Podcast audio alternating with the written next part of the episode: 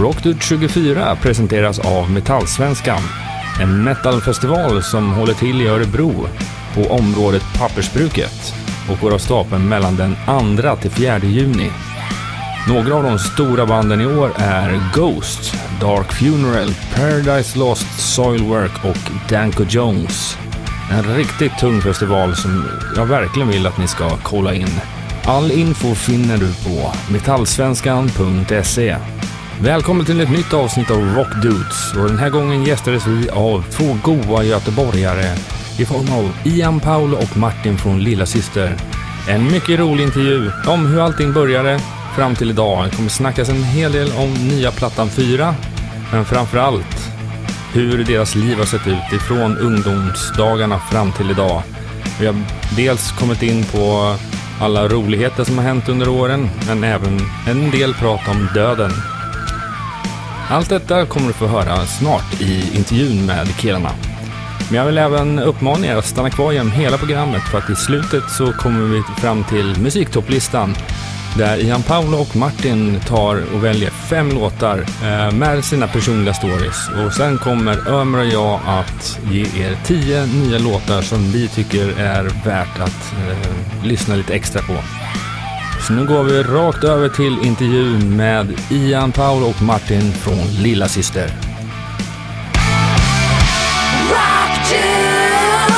Välkommen till eh, Rock Dudes och eh, den här veckan så har vi några goa gubbar från Göteborg. Vilka är det? Lilla Syster. Det är riktigt. Goa Eh, gubbar. vil- vilka har vi här då? Vi har Martin Westerstrand Skans som sjunger. Sen har vi Paolo Lira som spelar trummor. Trummor. Hur, hur är läget med er idag då? Det är bra. Det är strålande solsken och det är fint väder och man är i Stockholm. Så att då, blir det, lätt- då blir det lätt bra. Men det är kallt. När vi spelar in det här så är det skärtorsdag till och med. Mm, så det, det. är- det är påsk och allt. Ja, jag ska hem till Göteborg och, och gigga sen ja. Ja, jag Ska du tänkte... det? Så har du. Har du, Har du ett annat band? Oj, det var din grej jag inte har berättat. Ja, men okej, nu fattar jag. Ja, okej, ja. Men eh, jag tänkte just fråga, men firar ni påsk på något speciellt sätt? Nej. Nej. Jo, jag brukar käka påskmiddag hos pappa. Ja, så ni firar lite Det är olika. ägg och det. Ja, allt det där. Så det är syster är inte familjen utifrån påskens firande? Nej. Nej. Det är det inte. Men du hade en spelning ikväll, vad sa du? Alltså det är ju, nu när vi spelar in det så är det hockeyslutspel. Aha. Och vi är lite involverade i, i Frölunda. Vi har bland annat skrivit den låten som de kommer ut på isen till. Och den var vi där och spelade för en vecka sedan. Och eh, nu är det match igen och då ska jag ner och så ska jag faktiskt köra på låtar med eh, ett coverband som kör efter matchen där nere. Är det första övergången eller har du gjort det innan? Nej, det har jag gjort tidigare. Okej. Vi har, jag, har ju- jag, har ju sjungit nationalsången och vi har spelat på isen och så massor med Vi är lite, vi hänger lite med dem kan man säga. Är, ni stora, är ni stora fans av hockey rent allmänt? Ja, hellre hockey än fotboll i alla fall. Ja. Det smäller på lite mer. Ja, exakt. Det är ingen enda fjollsport liksom.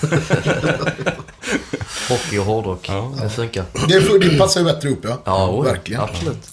Om vi skruvar tillbaka tiden lite, och nu får vi fråga er båda. Eh, hur kom ni... Vad var ert, första musikminne? I livet? Jag kommer ihåg att jag hörde Beatles. Mamma spelade Beatles för mig. Jag, innan jag visste vad musik var så hörde jag Beatles. Liksom. Det, det, det är det bara. Det, det var mitt första riktiga musikminne. Sen så stod jag längst fram och kollade på Stonefunkers, Electric Boys och Svullo när jag var liten. Ja. När var det här ungefär? Om det var sent 1860-tal eller någonting. Nej, alltså Vi det var... Mozart. Nej, men det här det är ju det är ju 80-tal vi pratar om. När min första liveupplevelse. Det var ju 80-talet.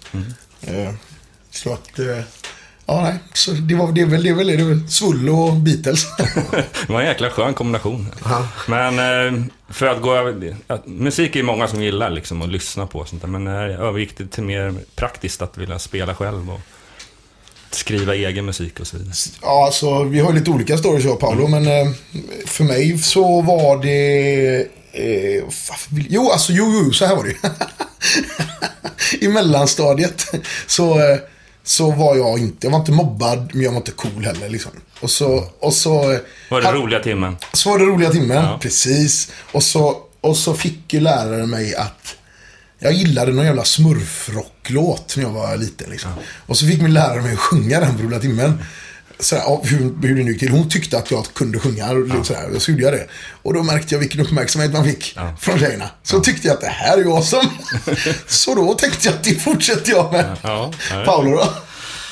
Jag vet inte, vad, eh, när jag ville börja spela musik, är det det som är frågan? Ja, vi kan, ju, vi kan ju gå på den första frågan. Den första frågan, första musikminne. Ah, Alltså båda mina föräldrar är ju musiker. Min pappa är ju, eh, han spelar i ett band som spelar så här eh, latinamerikansk folkmusik i Chile. Så att på 70-talet. och De då är chilenare alltså? De är chilenare, precis. Så att eh, då på den tiden så fick man inte sjunga så här frihetssånger och sånt. För då var det militärkupp. Så då fick eh, han snällt ta sitt pick och pack och fly till Sverige. Eh, min mamma var musiklärare också så att eh, jag är född i Sverige så att eh, det är liksom eh, Det har funnits musik sen jag visste vad någonting var överhuvudtaget så att Svårt att säga första musikminne. Däremot så kan kommer jag ihåg min första skiva jag köpte. Då köpte jag, eller som, som jag ville ha. Och då var det, då var det en låt som eh, jag hade hört någonstans. Eh, förmodligen på Trasan och bananer var det. Oh, jaha, vilken låt då? Ehm, musik... Vi spelar på gator och torg. Ja. Ja. Och det var ju, vet du, den här... ehm, Då kom vi fram till att det var, vet du det? Eh, Den här goa proggplattan som... eh, Nationalteatern. Nationalteatern, ja precis. Så den, det var den första skivan jag, jag ville ha liksom. Kåldomar och kassipper tror jag den heter. Så heter den, Oh, precis. ja, ja, ja. Det är riktigt fina grejer. Den är jag fanns själv uppväxt med. Så. Rikt, riktigt god propaganda. Så jävla god vänsterpropaganda. Ja, eh, Så det, det var den första skivan som jag minns att jag sa till min mamma, den vill jag att vi går och köper. Och sen min första, första konsertminne, eller min första konsert, jag minns exakt vad det var faktiskt. Det var Pappa Di.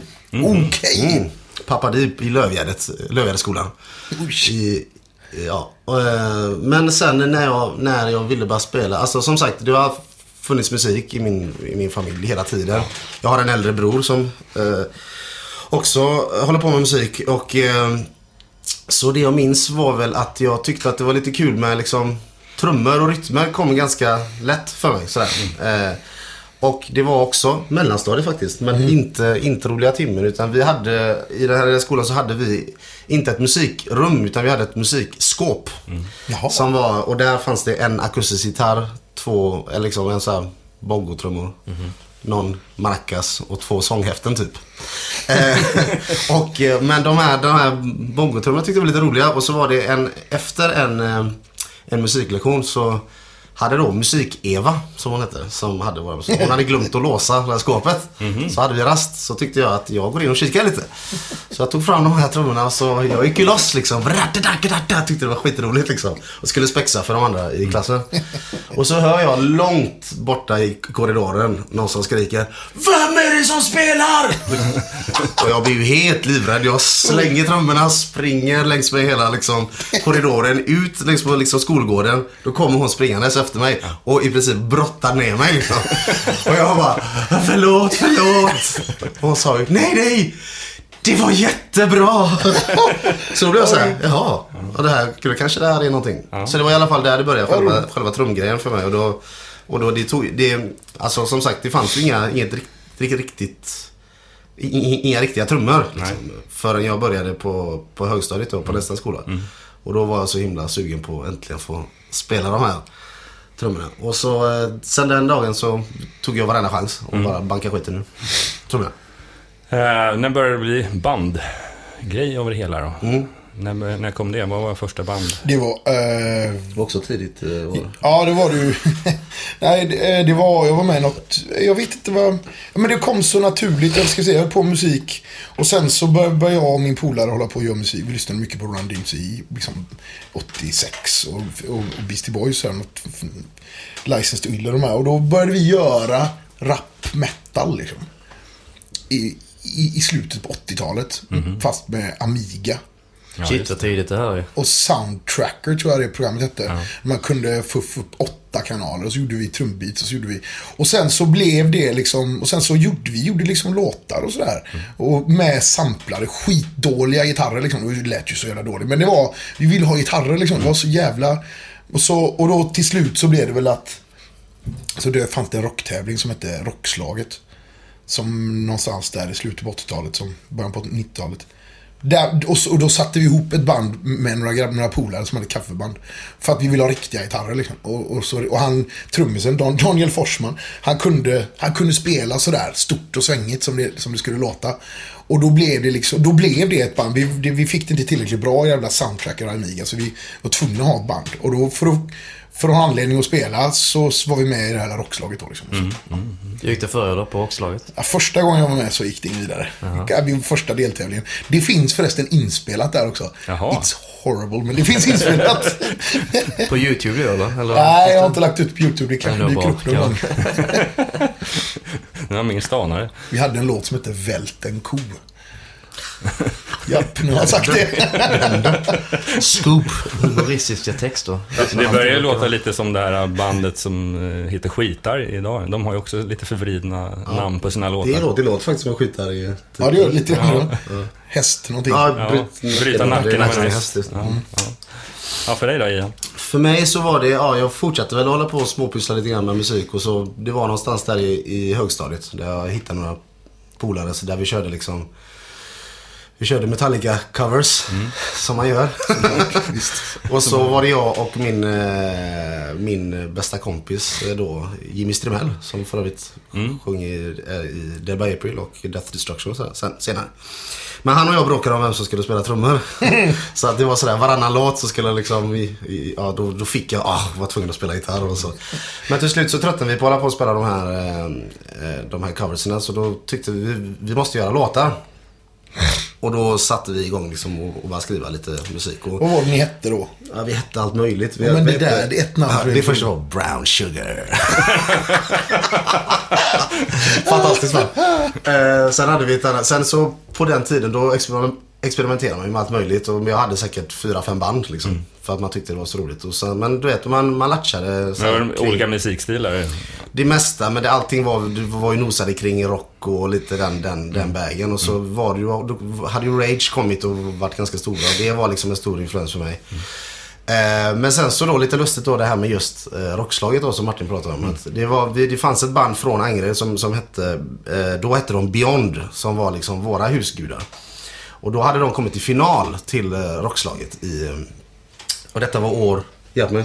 95 kanske? 95 kanske, något sånt. 94 kanske? Eh, jag är, jag är fjortis och, eh, och, och går, går på Liseberg och ska se de här och tycker att de ska sopa mattan med, med allt och alla. eh, så kommer jag dit och eh, så spelar de och yeah, fan vad fräckt. Strax efter dem så går det ett annat band på. Eh, med en eh, ganska kort kille med så här blonda dreads på. med ett band som heter Psycho Vita Down. Ja, okej. Och, eh, och det är ju då Martin Westerstrand som sitter här till vänster om mig. Och han faktiskt, han, eh, när jag såg det bandet och när jag såg Martin där, då är han, och på riktigt, han, he blew me away. Det var sådär, det var en sån ögonöppnare för mig. Så jag blev sådär, wow!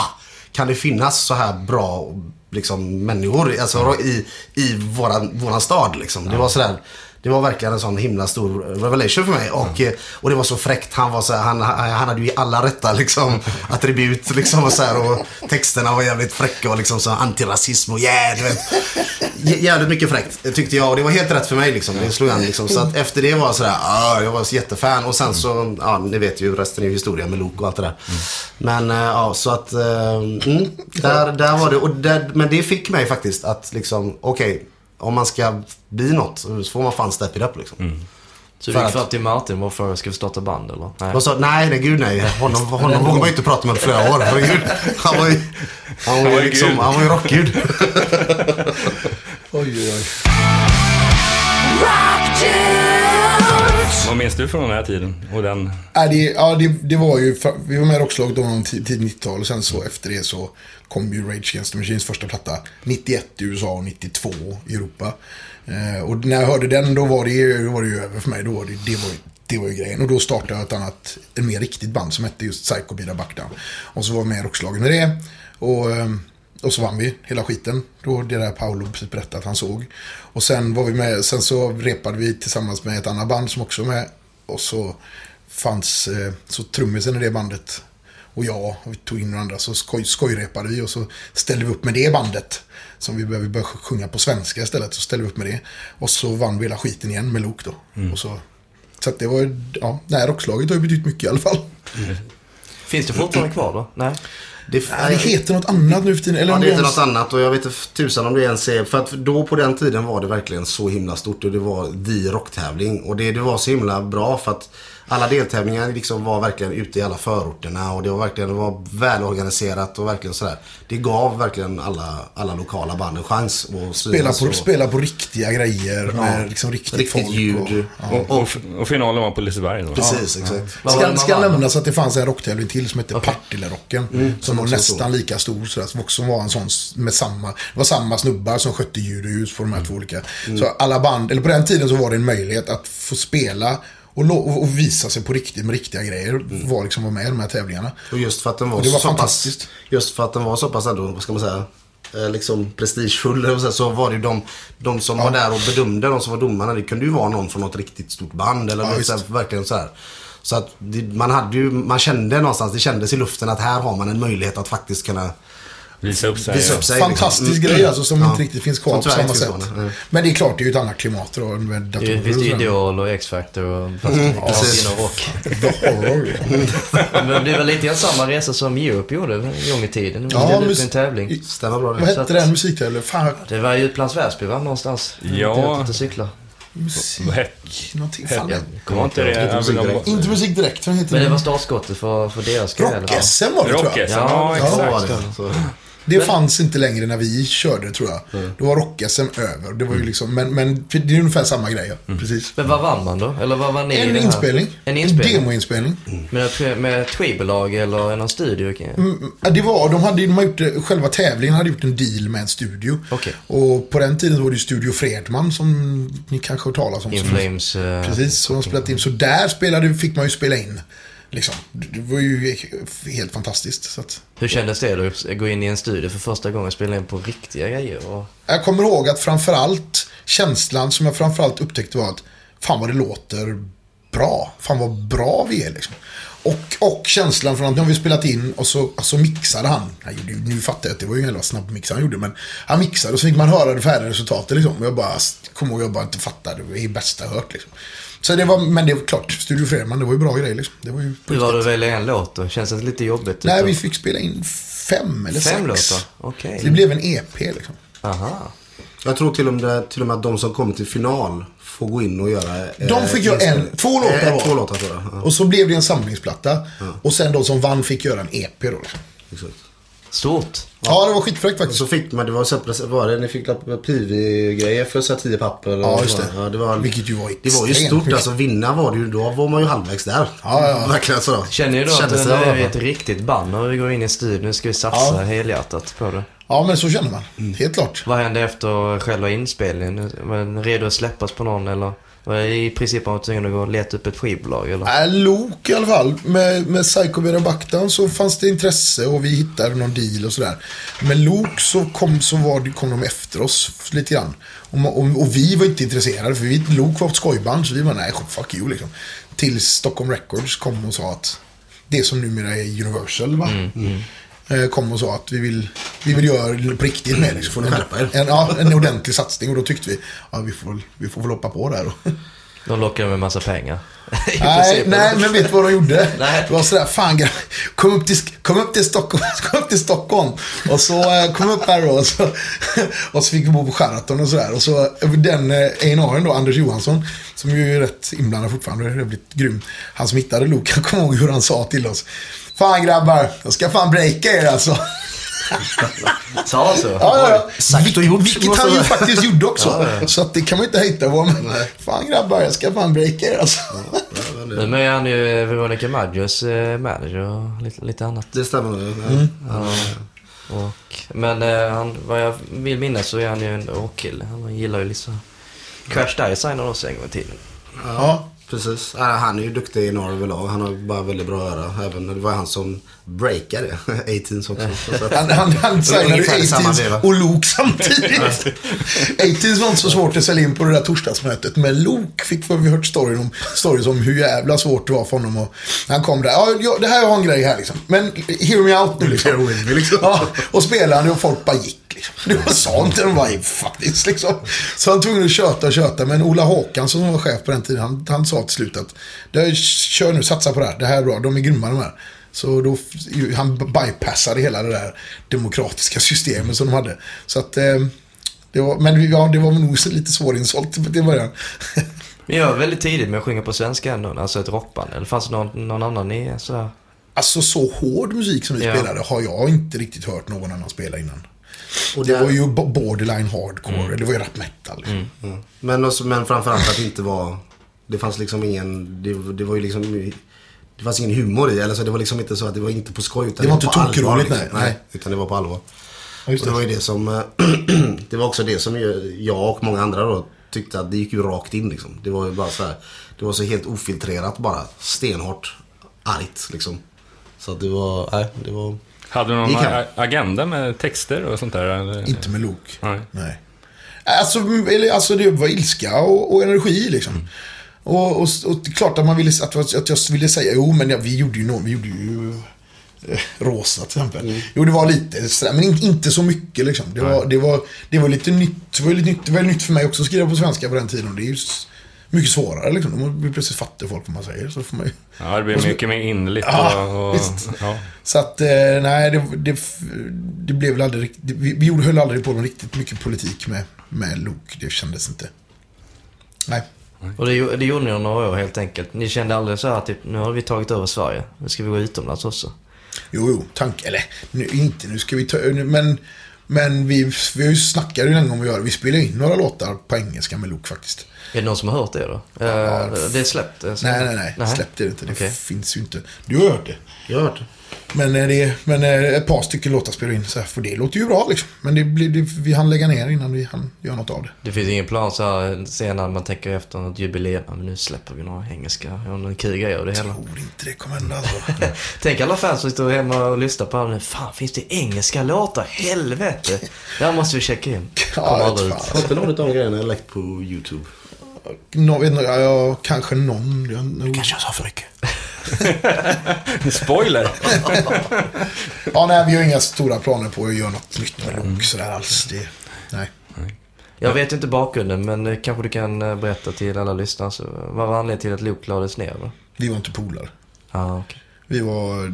Vi, vi, vi, vi, vi byggde, bandet byggde inte på kärlek. Vi, vi skojade. ju. Vi, vi, vi, från början var det på skämt, liksom, bandet.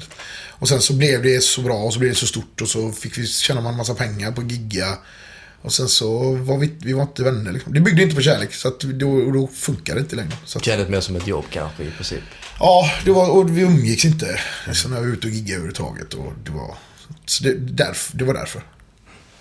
Det höll den tiden som, som det höll. helt Ja, precis. Men vi, det, det värsta var, vi var ju bra polare innan vi startade Luke. Men sen när vi hade, efter Luke sabbade det lite grann så här. Är det rivalitet inom bandet sådär eller? Ja, det var lite sånt också. Det var det. Starka viljor kanske. Ja, precis. Framförallt två jättestarka viljor. Min och... Till skillnad från det här bandet. Ja, just det. Där är två starka viljor. Men ur kaoset kom ett nytt band. Ja. ja, det gjorde det ju. För fan. Du- Lillasyster. Det är det vi är idag. Först kom faktiskt ett band som heter Rally Pack. Just det. Som är lillasyster, som är samma medlemmar. Men som var på engelska. Som vi släppte en platta med. Men sen kom lillasyster. Vad hände med den plattan då?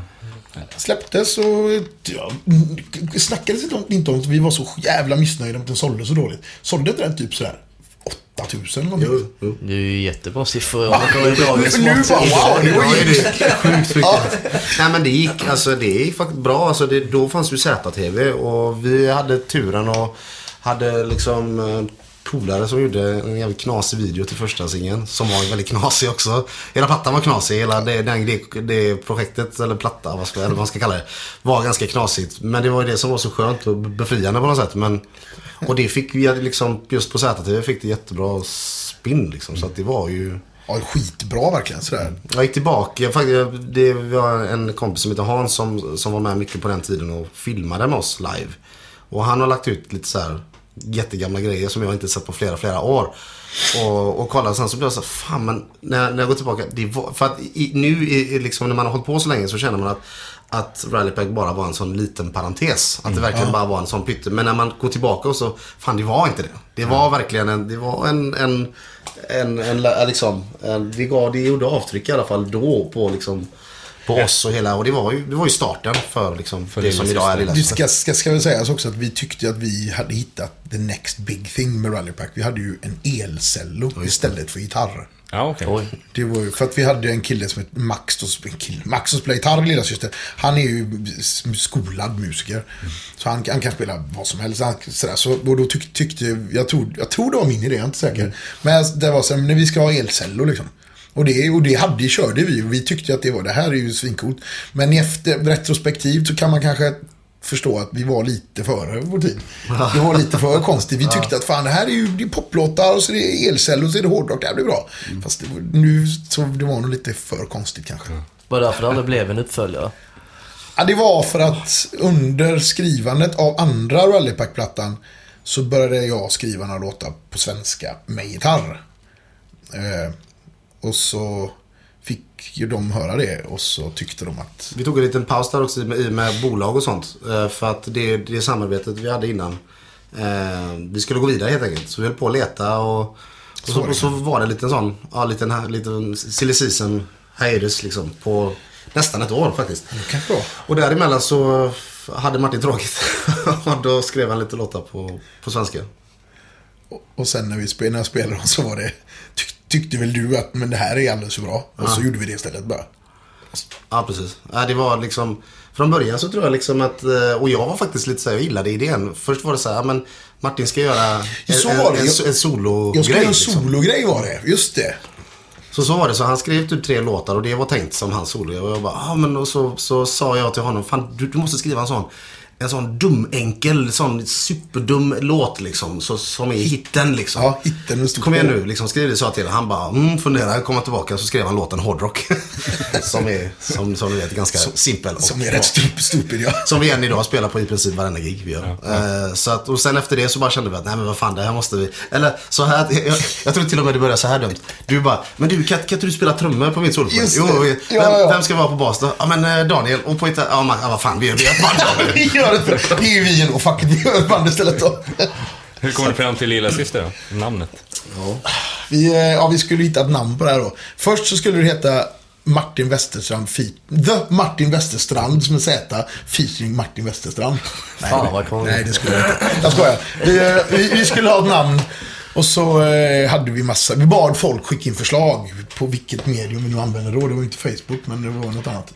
Sms framförallt. Vi skickade ett sms till alla våra kompisar. Ja, just det. Och Kom så- med förslag. Mm, ja precis. Tre förslag var och så skick, fick vi hur många som helst. Så sorterade vi ner, sorterade vi ner. Och så kom vi fram till, eh, vi hade väl tre förslag eller något sånt där. Men inget av dem var sådär, Vilka var de andra namnen då? kommer du ihåg något? Ja. Ett utav dem jag aldrig glömma. Pressa stopparna. Aj! Det är stort! Det var så roligt! ja, vad roligt.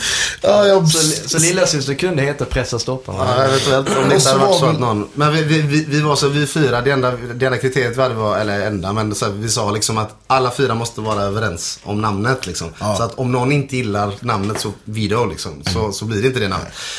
Så att det var liksom det problemet vi hade och så vi var, vi var på väg och skulle göra ett gig i Norge, Halden. Eh, då var vi bokade som rallypack liksom. Eh, men vi hade fortfarande de här lite nya låtarna plus att vi, vi skulle liksom, den här killen som hade bokat oss, vi kan inte snälla spela några så gamla loklåtar? Så vi hade repat in det. Så det var mischmasch av alltihopa egentligen. så vi kommer dit fast vi har inget namn. Plattan är klar. Eh, skivbolaget som vi hade då sa så här, ni måste ha ett namn till efter helgen för vi ska gå ut med en presslist på måndag liksom. Och då måste vi ha ett namn på bandet annars det funkar inte liksom. Inte... Så vi bara, ah, okej då liksom. Så var vi där på det här giget. Och så kommer vi väl fram, för vi sitter hela vägen i, i bussen och går igenom alla namnen. Och kommer fram och inte har ett namn. Så vi bara, ah, orkar man inte. Ja. Ja, och så kom vi dit och så, och så kom vi upp i logen på det här stället. Då. Så man, det är en massa, massa andra band som spelar också. Det är en liten minifestivalgrej. Och så är det något av, band, något av banden, så någon snubbe i något av banden som säger eh, Min lilla syster tycker ni är jävligt bra liksom. Och jag bara, lilla syster Det är ju riktigt dåligt i namn. alltså. Stoppa pressan! Pressa stopparna. Så då tyckte jag lilla syster det- och så i och med att, liksom, i och att det var lite lilla syster till Rallypack liksom, och kanske Lok längre bak och säger att på den tiden var det två medlemmar från Lok med. Så var så, så, så jag tror när jag sa det till er så var det bara Det var väl ingen som opponerade sig tror jag. Det var bara... Nej, men det, var- det var lite så här, och då, då var Ingen det... slängde in vetot helt Allt, enkelt. nej, nej, men allt, allt, allt som man sa då, för då tänkte man ju bara bandnamn. Om någon presenterar sig så tänkte man, kan man heta... Alltså det var så här, allt var så här. Så att och då var så här, då, då kom jag att bara, lilla syster, kan vi heta det? Nej, fy fan. Ja, men då heter vi det. det var typ så. Så att det var liksom av lite ren despair som, bara, så, som det blev det. Men sen så, jag minns att morgonen efter så var vi så här. Det bara för varenda sekund man tänkte på det, desto bättre kändes det liksom. För att, just för att det var så konstigt. Jag minns så väl att jag, jag, eh, jag sa det här bandnamnet till min bror. Så här, så här, du, vi ska heta lilla syster. Han bara, fy fan vad dåligt. Och så bara, men det är därför det är så jävla bra.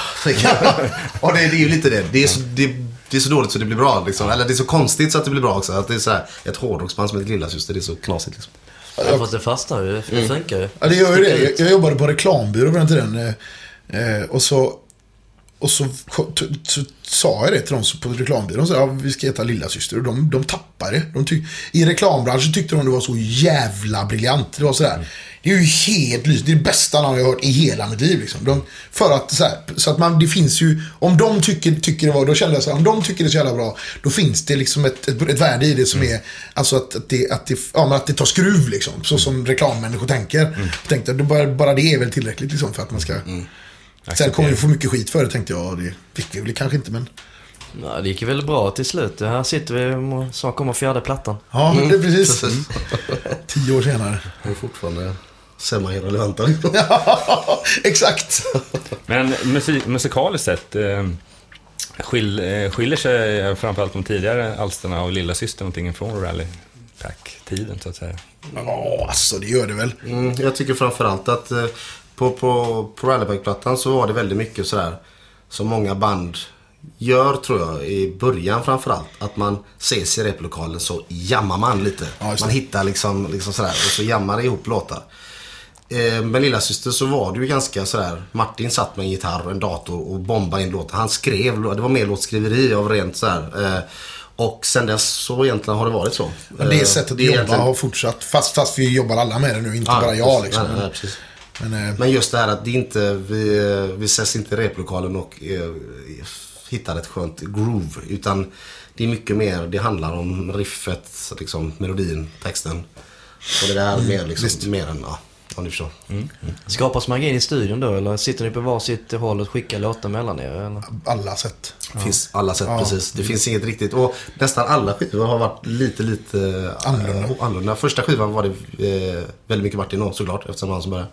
Andra skivan var det i princip bara jag och och Martin eh, som gjorde det. Och sen eh, tredje skivan då hoppade Daniel av bandet och då klev Max in i en större roll på något sätt. Så att då blev det vi tre. Därför den heter tre bland annat. tre. Och nu med eh, Andy så blev det ju vi, för då har vi fyra verkligen collaboratat. Eh, det, det, det, det är därför jag är så, jag är, jag är extremt stolt över den här senaste plattan för att den känns som en så jävla bra liksom, Men det är inte därför, det är inte därför men, den heter fyra. Nej, nej. Faktiskt. Men, eh, men eh, fast en, en lucky coincidence. Ja, precis. Precis, men varför heter den Fyra? Eh, den, het, den hette så här, när, när, vi, när vi började skriva den så hade vi ett, så bara arbetsnamnet var fyra i och med att den innan var tre. Så när vi, ja nu, nu ska vi, ska vi skriva till fyra liksom.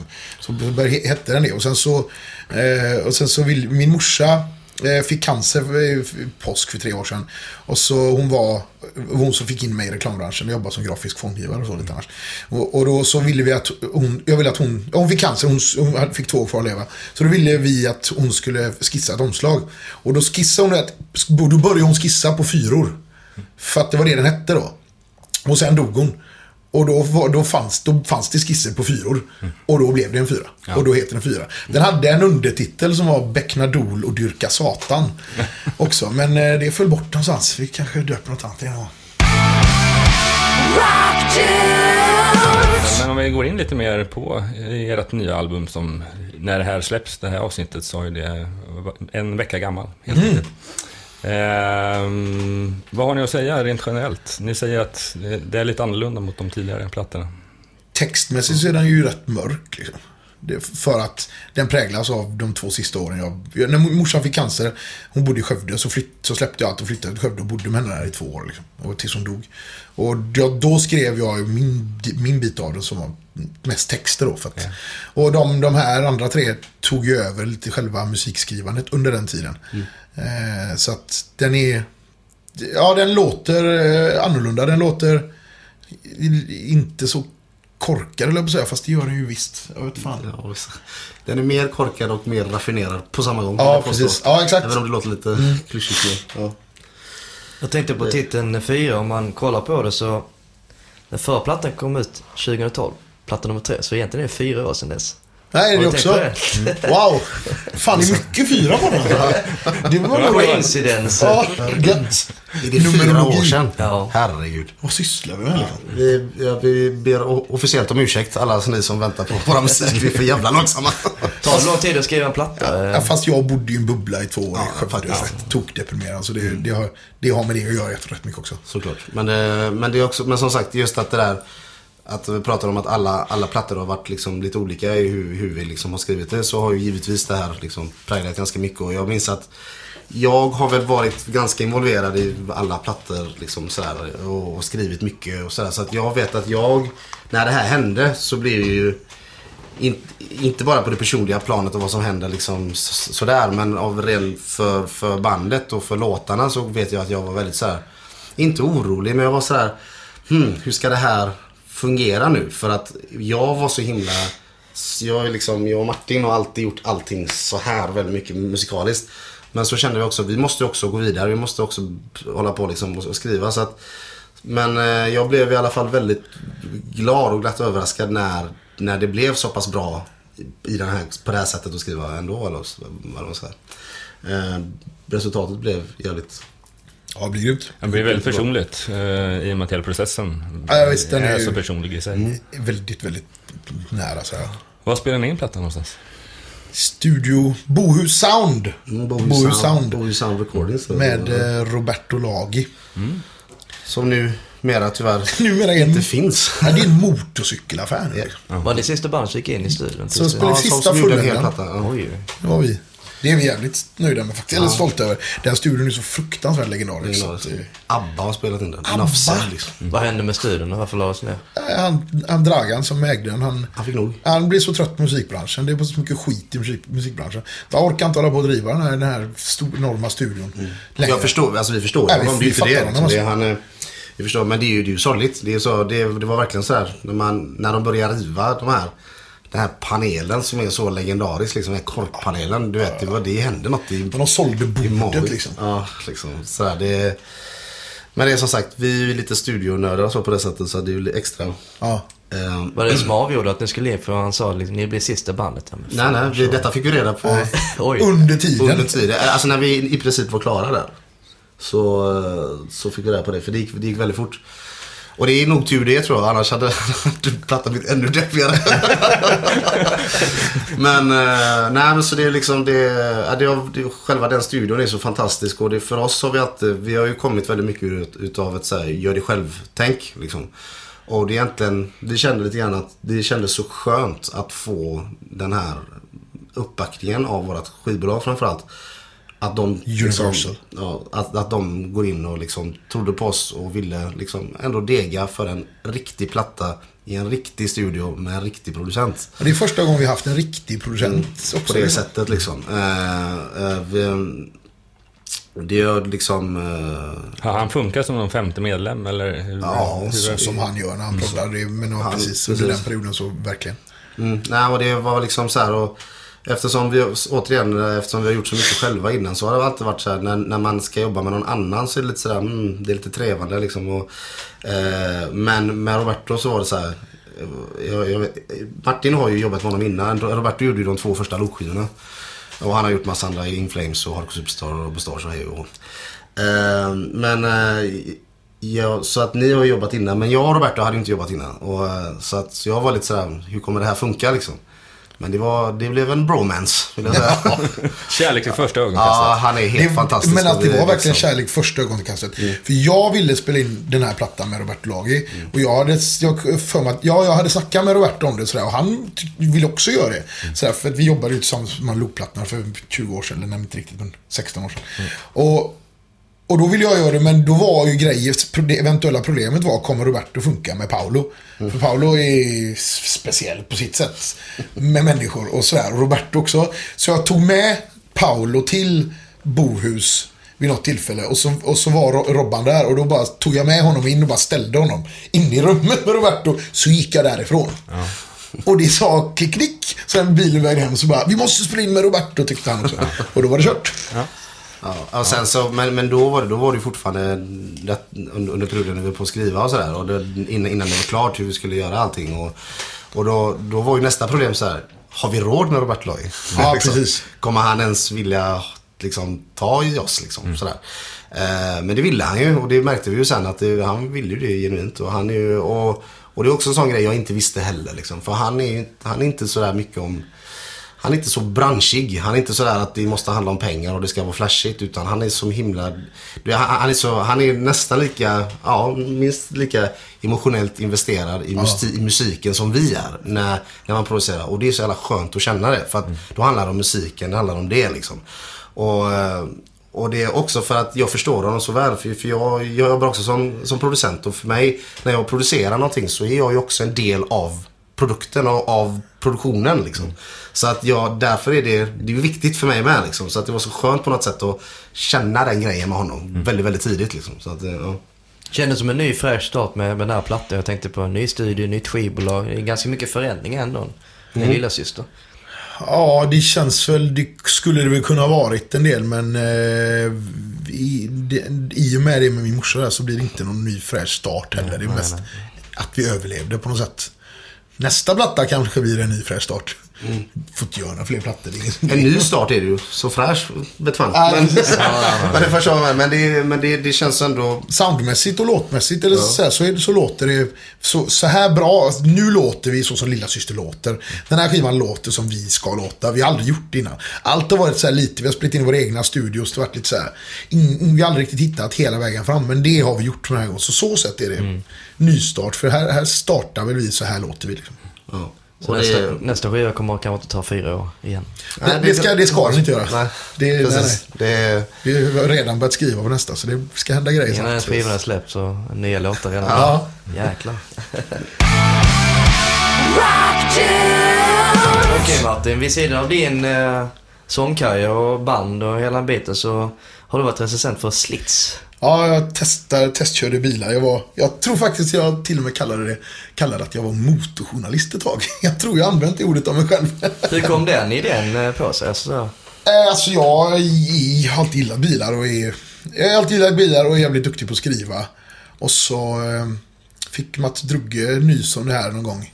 chefredaktören Ja, på precis på Slits då. Men, I 2003 eller vad det nu kan ha varit och så skulle de göra om tidningen och så frågade han mig om jag hade lust att göra den grejen och det tyckte jag lät jätteroligt. Eh, och så då bara började vi göra det. Och så, var det, så funkade det bra och så fortsatte vi en pack år. Så du körde runt i eh, dyra bilar och... Det kan man säga att jag gjorde. Fick du betalt också eller vad sa du? Fick bilen som tax? Nej, jag, jag, fick, jag fick ju betalt per... eh, Vi hade någon standardsumma där som man fick, men det var ju inte så att man blir rik på det. Nej. Men, eh, men att få, hej, vill du, ha- vill du ha en Porsche, nya Porsche 911 Turbo i en vecka? Ja, okej. Kan jag ta då? vad, vad var det galnaste i bilsammanhang du körde? Koenigsegg CCX. På vilket sätt var det det galnaste? Äh, för att det är den kanske galnaste bilen som, som fanns då. Det var ju det absolut överjävligaste. Den gjorde ju 400 km i timmen och fick köra den på deras testbana i Ängelholm. Liksom. Det var ju... Men sen man har ju kört allt. Lamborghinis, Ferraris, Porschar, alltså Bentleys, alltså allt liksom. Och det är ju fantastiskt bara att ha med sig att få ha fått... Att få kört alla de här grejerna liksom. Vad kör du nu då privat? Renault Kangoo. det, ju, det går bra nu. Ja. Men är, är det det galnaste ni har gjort? Om man, framförallt du Martin tänker jag, som ska komma på Paulus. Men när det gäller eh, du som offentlig person. Alltså slits är en grej, men om det var tv-sammanhang eller diverse prylar. Ja, ja, jag har väl gjort en del tv-grejer och sådär. Men... Men det, ja, jag är inte... Jag är inte Hashtag Fångarna på fortet. de skojar om att, om att jag... Han är känd från TV. Hashtag känd från TV. Ja, så, så hatar jag hashtag. Så, hashtag Fångarna på fortet Martin och hashtag känd från TV. Nej, Fången på fortet, stämmer det eller? Ja, ja, stämmer. Har du det? Jaha. Hur gick det där? Ja, jag aceade det. Aceade. Ja, det gjorde jag fan alltså. Kommer du ihåg hur mycket du fick i slutändan? Alltså, och den här guldkassan? Nej, det kommer jag inte ihåg. Nej, jag, jag kommer ihåg att jag, att jag glömde att ta med mig en, en sån hem till mig själv. Jaha. Jaha. Men jag fick en skickad till mig sen. En, en snubbe jag lärde känna där nere. Så det, det Vad löste heter? Du, dublat, dukat, du- du, du- du, ja, dubliner. jo då, nej, det, det, gick bra, det gick bra för mig. Jag svarade väl rätt på massa frågor och löste massa. Jag, jag klarade alla mina grejer i alla fall. Det var coolt. Ja. Paolo, du slapp Fångarna på fortet. Jag slapp jag. Hur tror du det har gått? Nej, det hade inte gått så bra tror jag. Men har du några andra eh, projekt utanför musiken som du har pysslat med? Ja, jag, Mer musik. Mer musik. Eh, Jag eh, jobbar då som sagt som låtskrivare och producent till eh, andra artister. Eh, eh, Mest inom popgenren egentligen. Allt, Otrogen. lite allt möjligt eh, egentligen. Inom, det kan, kan vara poprock, pop, R&B och liksom allt, allt möjligt sådär. Har du några Eh, exempel? Eh, pff, nu, bara exempel. Alldeles för många. Nej men jag, de, de, jag har faktiskt haft eh, två stycken världsettor. Har du det? ja, Oj. med eh, en japansk artist som heter Komikode. Du har ju skrivit Så- låtar, i alla fall en låt till Melodifestivalen. ja, det stämmer. Anders Fenett. Eh, Run. Som du skrev, skrev tillsammans med. Ja, eh, just det, Desmond Child som, Ja, okej. som eh, har skrivit Poison och Living on a prayer. Ja. Ja, Live la vida loca. Och så vidare. Nej, men eh, så, det, så det, det, sånt där pysslar jag med också. Sen så eh, jobbar jag även som DJ. Och, eh, och musiklärare. och musiklärare numera på T, The, The Music College i Göteborg. Eh, Där jag jobbar som eh, producent, eh, lärare i musikproduktion. Och eh, sen så håller jag på med lite house också vid sidan om. Jag och min bror har ett eh, houseprojekt som heter Those Random Boys. Där vi, gör, där vi DJar och gör housemusik. Kul. Så att Är du det, ute och giggar mycket med det också? Eh, ja, faktiskt. Eh, så jag försöker pussla lite.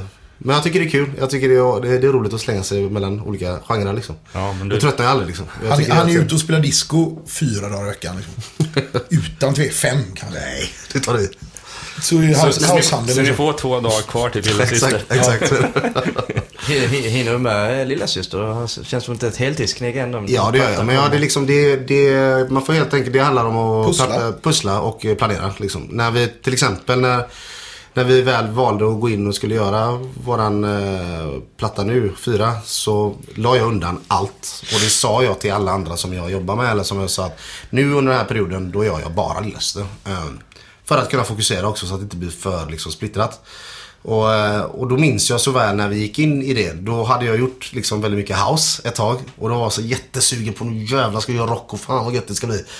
Och när man var klar med plattan då var man lite så här, hmm, nu är jag så här sugen på pop och house igen då. Så att det, det, är liksom, det är väl fördelen med att jag har de här olika eh, Du hinner aldrig riktigt grejerna. tröttna på Nej, grejerna. precis. Exakt. Och jag kan hålla på med musik 24-7 för det är det enda jag kan. Tack och lov. Ja, det verkar vara ganska framgångsrikt. Mm, ja, so far so good.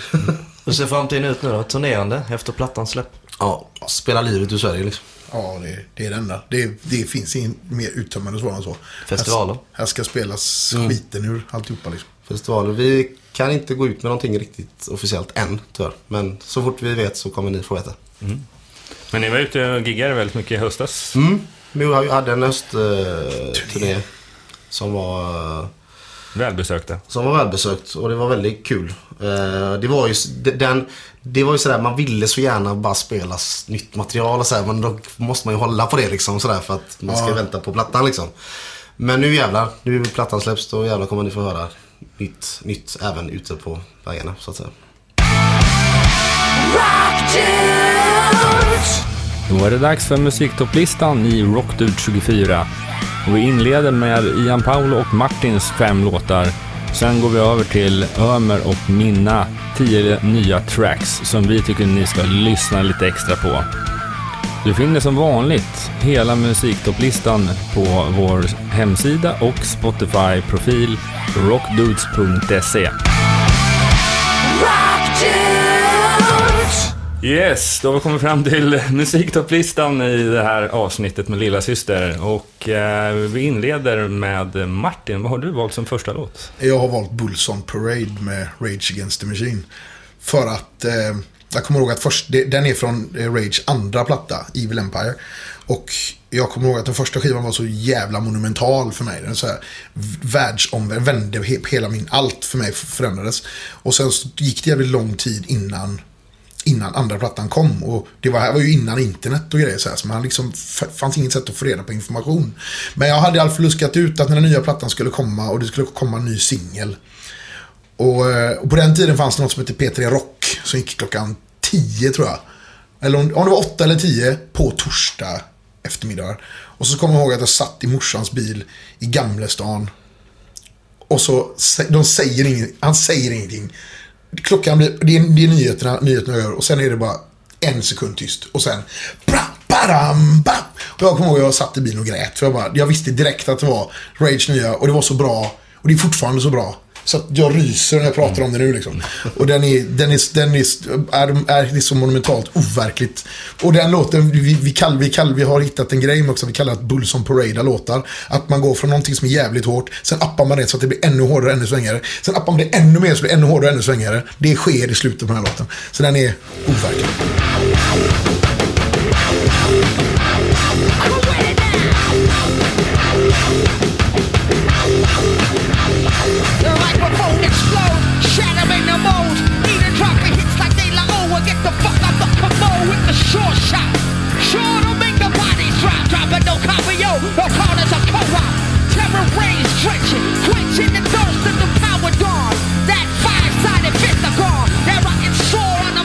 Yes, det var Rage Against the Machine. Eh, då går vi över till Ian. Vad har du valt för låt? Yes, jag har valt eh, Pearl Jam med Even Flow. Eh, Riktig klassiker. Ja, den är fantastisk. Eh, den här låten eh, också var också så livsförändrande för mig. Liksom. Jag kommer ju som sagt eh, väldigt mycket från hiphop, soul och funk och liksom Michael Jackson var ju min, min stora idol innan. Sådär. Och jag visste, jag hade lyssnat eh, en del på rock. Jag lyssnade mycket på, liksom, lite på Maiden och Kiss och sådär liksom, när jag var yngre. och tyckte det var liksom. Men, men det var ju först när jag hörde Pearl Jams Even Flow framförallt. När det här det här svänget, det här trumspelet som är som någonstans förenar rocken och det är lite funkiga, det är lite liksom svängiga helt enkelt. Jag är liksom, eh, jag har tatuerat på min arm har jag Slave to the Rhythm som är ett, ett Grace Jones, eh, en Grace Jones-låt. Så att för mig är det så här, det, det är, rytm är så viktigt för mig. Eh, eh, så att just rytmen i den här låten och framförallt låten, leveransen, hur han sjunger, ja, alltihopa liksom det förändrade mitt liv faktiskt. Så att därför har jag valt den.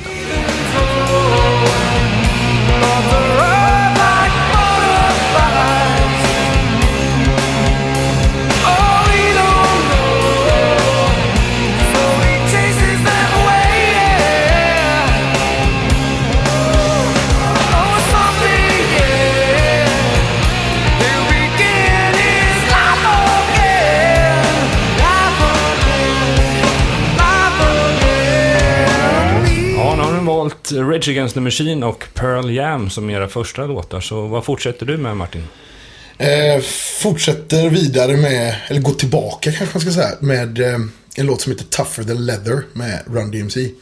För att eh, Run DMCs tredje platta, eh, Racing Hell, det är den skivan med Walk This Way på, för de som inte kanske inte folk vet vad det är längre. Men eh, deras stora genombrottsplatta.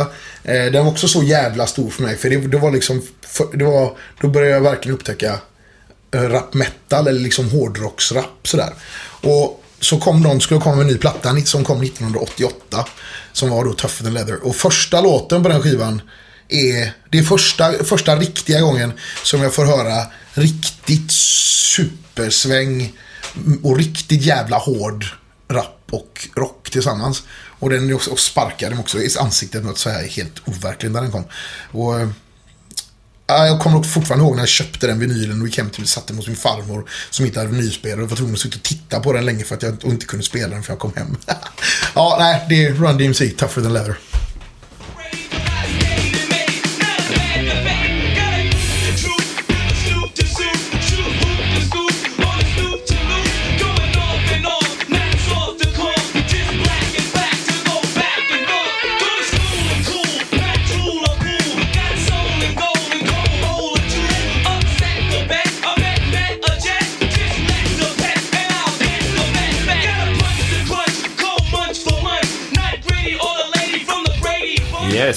Run DMC. Och nu är vi till Ian igen. Vad har du valt som din andra låt? Min andra låt här har valt eh, ett band som heter Psycore.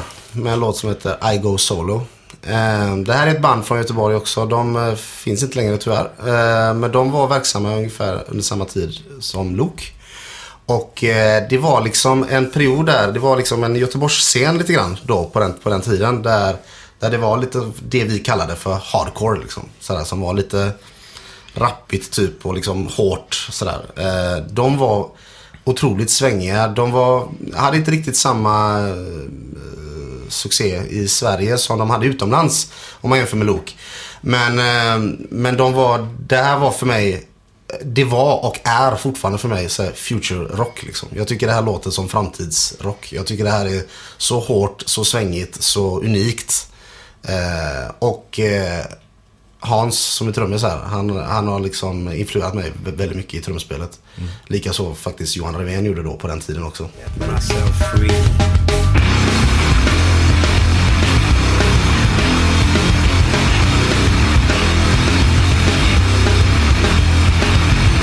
Next time I'll be gone when the shit hits the fan. Find someone else than me. I'm not your garbage can. I listen if you're sad when you're mad or such. One time is okay, a billion times are a bit too much. Ja, då har vi kommit fram till slutet av er lista och eh, vad jag har förstått så är det Martin som får ta sista ja, låten. Vi avslutar eh, på topp och hårt och intensivt. För eh, hela den här resan med, med liksom eh, Eh, Run DMC och sen eh, Rage Against Machine och så där igen var lite Korn och sen Pantera givetvis var ju däremellan. Typ Unbroken och sen så kom, kom Slipknot och när Duality kom så där, de här som är stora, markanta, tunga, perfekta poplåtarna som är så hårda att man fattar ingenting. De efter Duality så, så någonstans där så, så tyckte jag vad fan vad, vad, vad har allt tagit vägen liksom. Och så någonstans på vägen så fick jag höra en låt som bara som bara sparkade mig så mycket i ansiktet så att jag typ återfick hoppet om hård rock och hård musik. Och det var eh, Hard Attack American med The Bronx.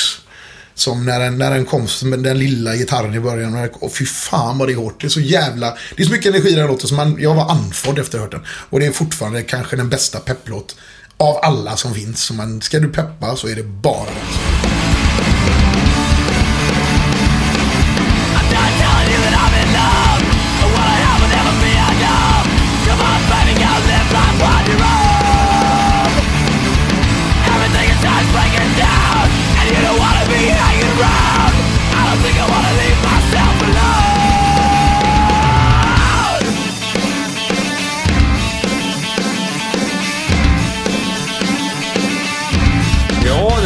Intressant lista som eh, dudesen från Lilla Syster tog, eller vad säger du? Väldigt intressant. Högt. Eller vad ska man säga? Inte lågt, utan höga band. Ja, Ma- Martins låtar var ju väldigt mycket anknytning till egentligen det de själv levererar, kan man säga. Alltså en del av låtarna är faktiskt sånt som jag går igång på, än Mm. idag. Framförallt eh, eh, Rage. Ja, det var Rage Against the Machine. ja, det var man stort fan. Så mycket av dem på Hultsfred. Aldrig sett dem live dock. Ja, Ångrar då det än har idag. du missat någonting, kan jag säga. Kanske kommer igen. Ja, man vet aldrig. Reunions händer ju hela I tiden. Wish. I wish. Men nu går vi över till våran lista. Eh, och vi börjar med dig, helt enkelt. Så vad börjar du med för tungt? Ja, alltså en del av de här banden eh, har man ju sett och en del kommer man nog förmodligen aldrig se av olika skäl. Men eh, första låten är till belgiskt grindcore-band, Aborted, med låten Retrogore. Och har filat på en ny skiva så att jag antar att det här är nya singeln från kommande skivan. Retro.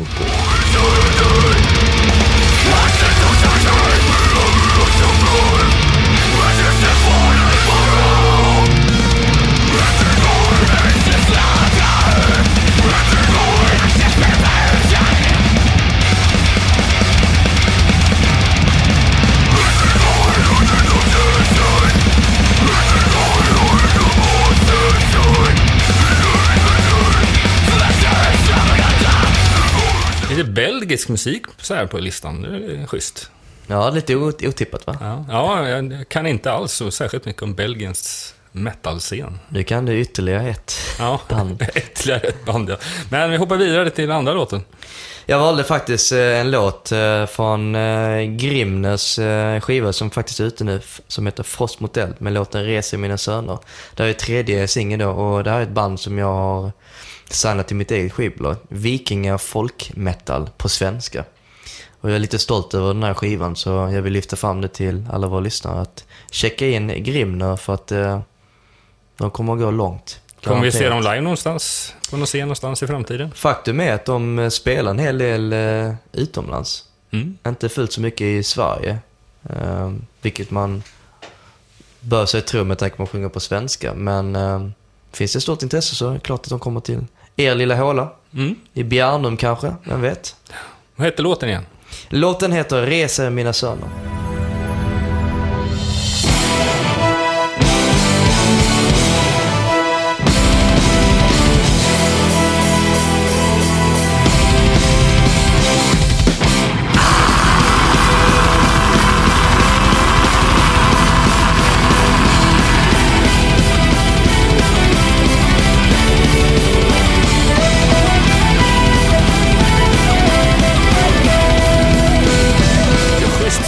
Svensk, vad sa du? Vikingafolk metal. Ja, Mm. Ja, det är bra.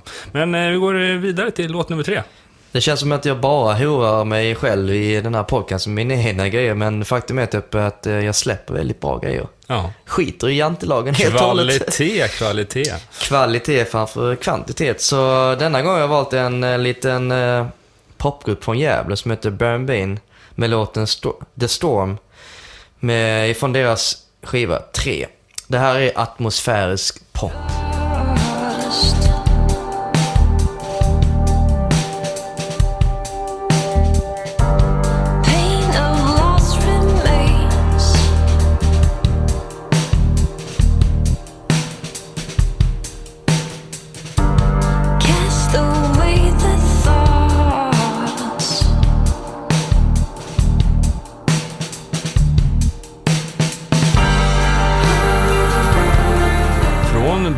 Nordisk metal till svensk folkvikingametal och sen pop. Ja, ja, men vad ska bli som nummer fyra? Lite dansband kanske? Alltså det här är lite schizofrent men aldrig dansband tyvärr. Det är ingenting jag går igång på. Eh, fjärde låten är ju faktiskt en eh, original motion score till en film. Batman vs Superman, Dawn of Justice. Eh, har jag valt för att eh, fan den här filmen är så jävla bra så ni, ni måste se den. Och, och låten i sig som är score i filmen är ju grym från Simmer så att eh, checka in den.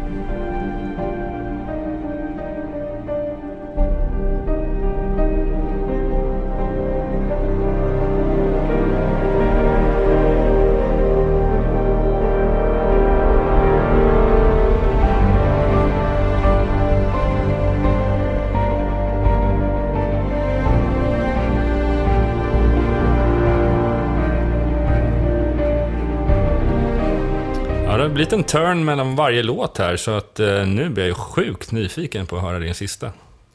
Slutet gott, allting gott. Likaså med det här bandet som lägger ner. Kent med låten Egoist ifrån deras nya och första singel från deras kommande platta. Och så förhoppningsvis ska man väl se dem i december på deras farvälturné. Ja, jag undrar hur många speldatum kommer det bli där på Tele2? De är uppe i tre stycken tror jag. Ja, det känns som det kommer fler med, med Kent liksom. Det är Sveriges största svenska rockband liksom. Yes, då lyssnar på Egoist.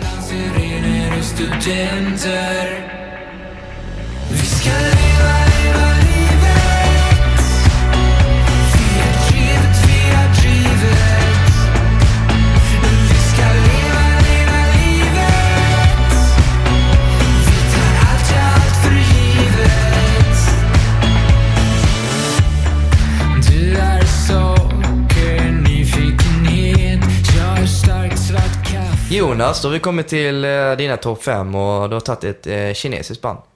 Ja, man kan inte i alla fall tro det, men det är ett band som eh, består mestadels av medlemmar från Gävle. och en tjej från Halmstad tror jag. Men de är stora i Kina, eller? Ja, de är på gång med sitt debutalbum. Men de har trots det hunnit med tre turnéer i Kina innan. Och ska iväg på sin fjärde nu här fram emot vår sommarkanten. Eh, Electric Religions och de släpper sitt debutalbum eh, här i, ja, för några veckor sedan. Som heter Duality of Universe, eller Duality of the Universe tror jag det var. Eh, jag har valt låten eh, 1000 Battles, som de också har släppt en purfärsk video till.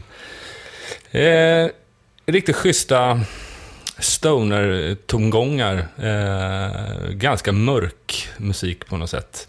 Eh, men eh, det, det blev en rätt bra touch med den här kvinnliga sångerskan i fronten. Så att, eh, jag tycker det är väl värt att lyssna på. Så lyssna på 1000 Battles.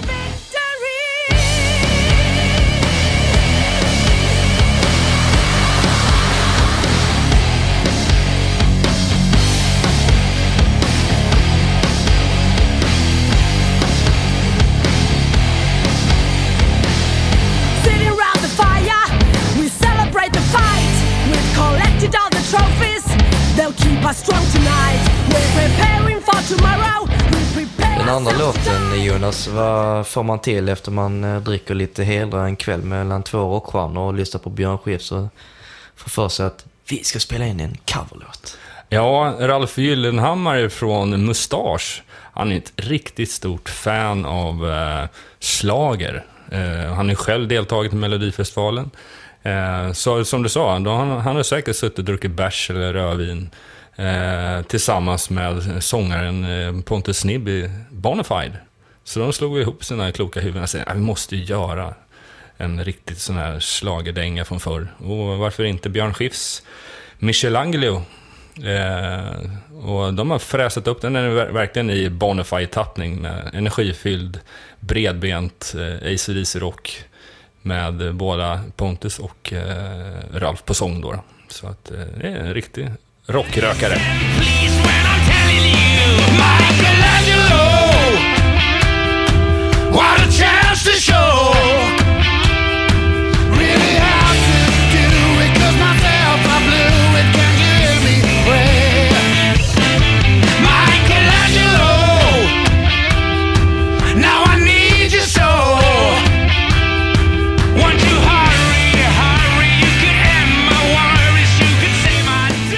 Tredje låten är ett folk metalband från Göteborg. Jag tror inte du gillar sånt där Jonas, men det gör du uppenbarligen.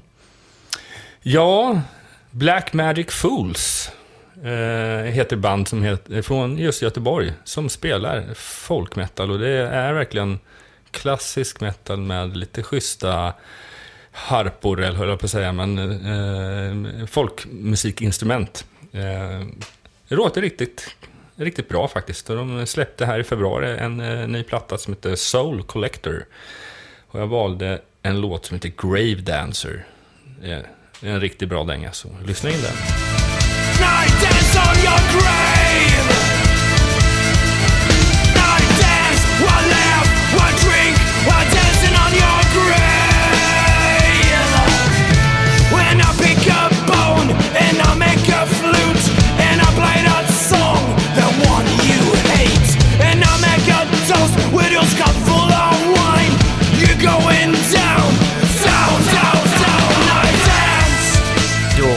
fram till fjärde låten vars eh, sångaren i In Flames, Fridén, har signat det här till hans eget skivbolag, Razzia Notes. Ja, precis. Vi pratade om Port Noir och för några veckor sedan här så hade de releaseparty på Göta källare för deras nya album Anyway the Wind Carries, tror jag det ska vara. Och jag har valt deras senaste singel som heter Onyx. Eh, jag får mycket vibes från bandet Muse när jag lyssnar på den låten. Och sen den är lite finessrika med den här låten att sista delen av låten, de sjunger normalt sett på engelska, men i sista delen av låten så går de över och sjunger på svenska. Det är lite udda. Men eh, låten är väldigt pampig. Eh, Rockpoplåt, eller ja, rocklåt. Eh, så den kräver verkligen en lyssning. Eller två, eller tre.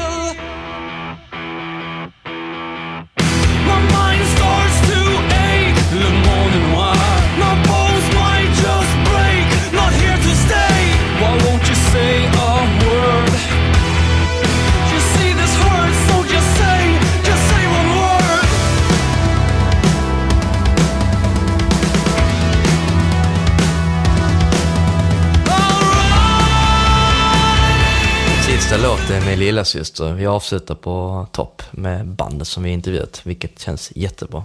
De tog inte med något av sitt egna material själva, så jag valde låt åt dem helt enkelt från nya skivan 4.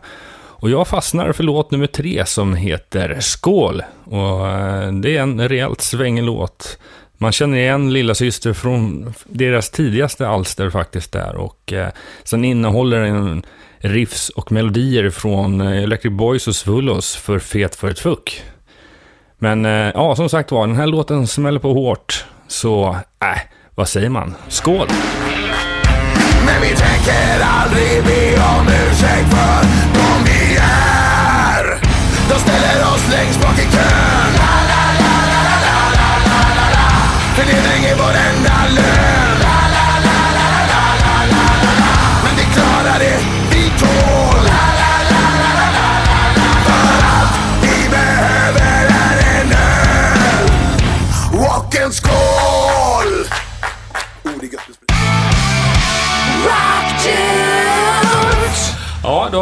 kommit till slutet av det här Ja. programmet och eh, det har varit väldigt roligt att ha haft det här. Ja, riktigt jävla kul faktiskt. Riktigt kul att vara här faktiskt. Det är så roligt att sitta och kött, kötta ur sig all gammal skit. Ja, Vi fick lära oss allt och lite till om mm. Lilla Systers eh, historia. Ja, Vi är glada faktiskt. så tack så mycket. Ja, Tack tack själva. själva. Tack, Grymt. Du har nu lyssnat på Rockdudes 24 som den här gången gästades av Ian Paul och Martin från Lilla Syster. Ett riktigt grymt program med en kul intervju. Musiktopplistan du hörde i slutet av programmet hittar du på vår Spotify-profil och vår hemsida rockdudes.se. Vi glömmer inte bort att följa oss på sociala medier som Facebook, Instagram, Youtube och Twitter. Sök på Rockdudespodden. Skriv gärna lite om du tycker om det här avsnittet, men även tipsa om eh, vilka gäster vi ska ha i framtida program. Vi vill även tacka vår sponsor Metallsvenskan, som är en metalfestival som går av stapeln mellan den 2 och 4 juni på Pappersbruket i Örebro. Vignettmusiken är inspelad av Jonas Hermansson, Peter Månsson och frontkvinnan i Crucified Barbara, Mia Coldheart. Programmet spelas in av Jonas Löv och redigerades av Endigo. Vi vill just tacka dig för att du har lyssnat på Rockdude 24 med mig Jonas Löv och min co-host Ömer Akai. Rockdude 25 kommer släppas den 22 april. Det ser vi verkligen fram emot. Men fram tills dess, rock on!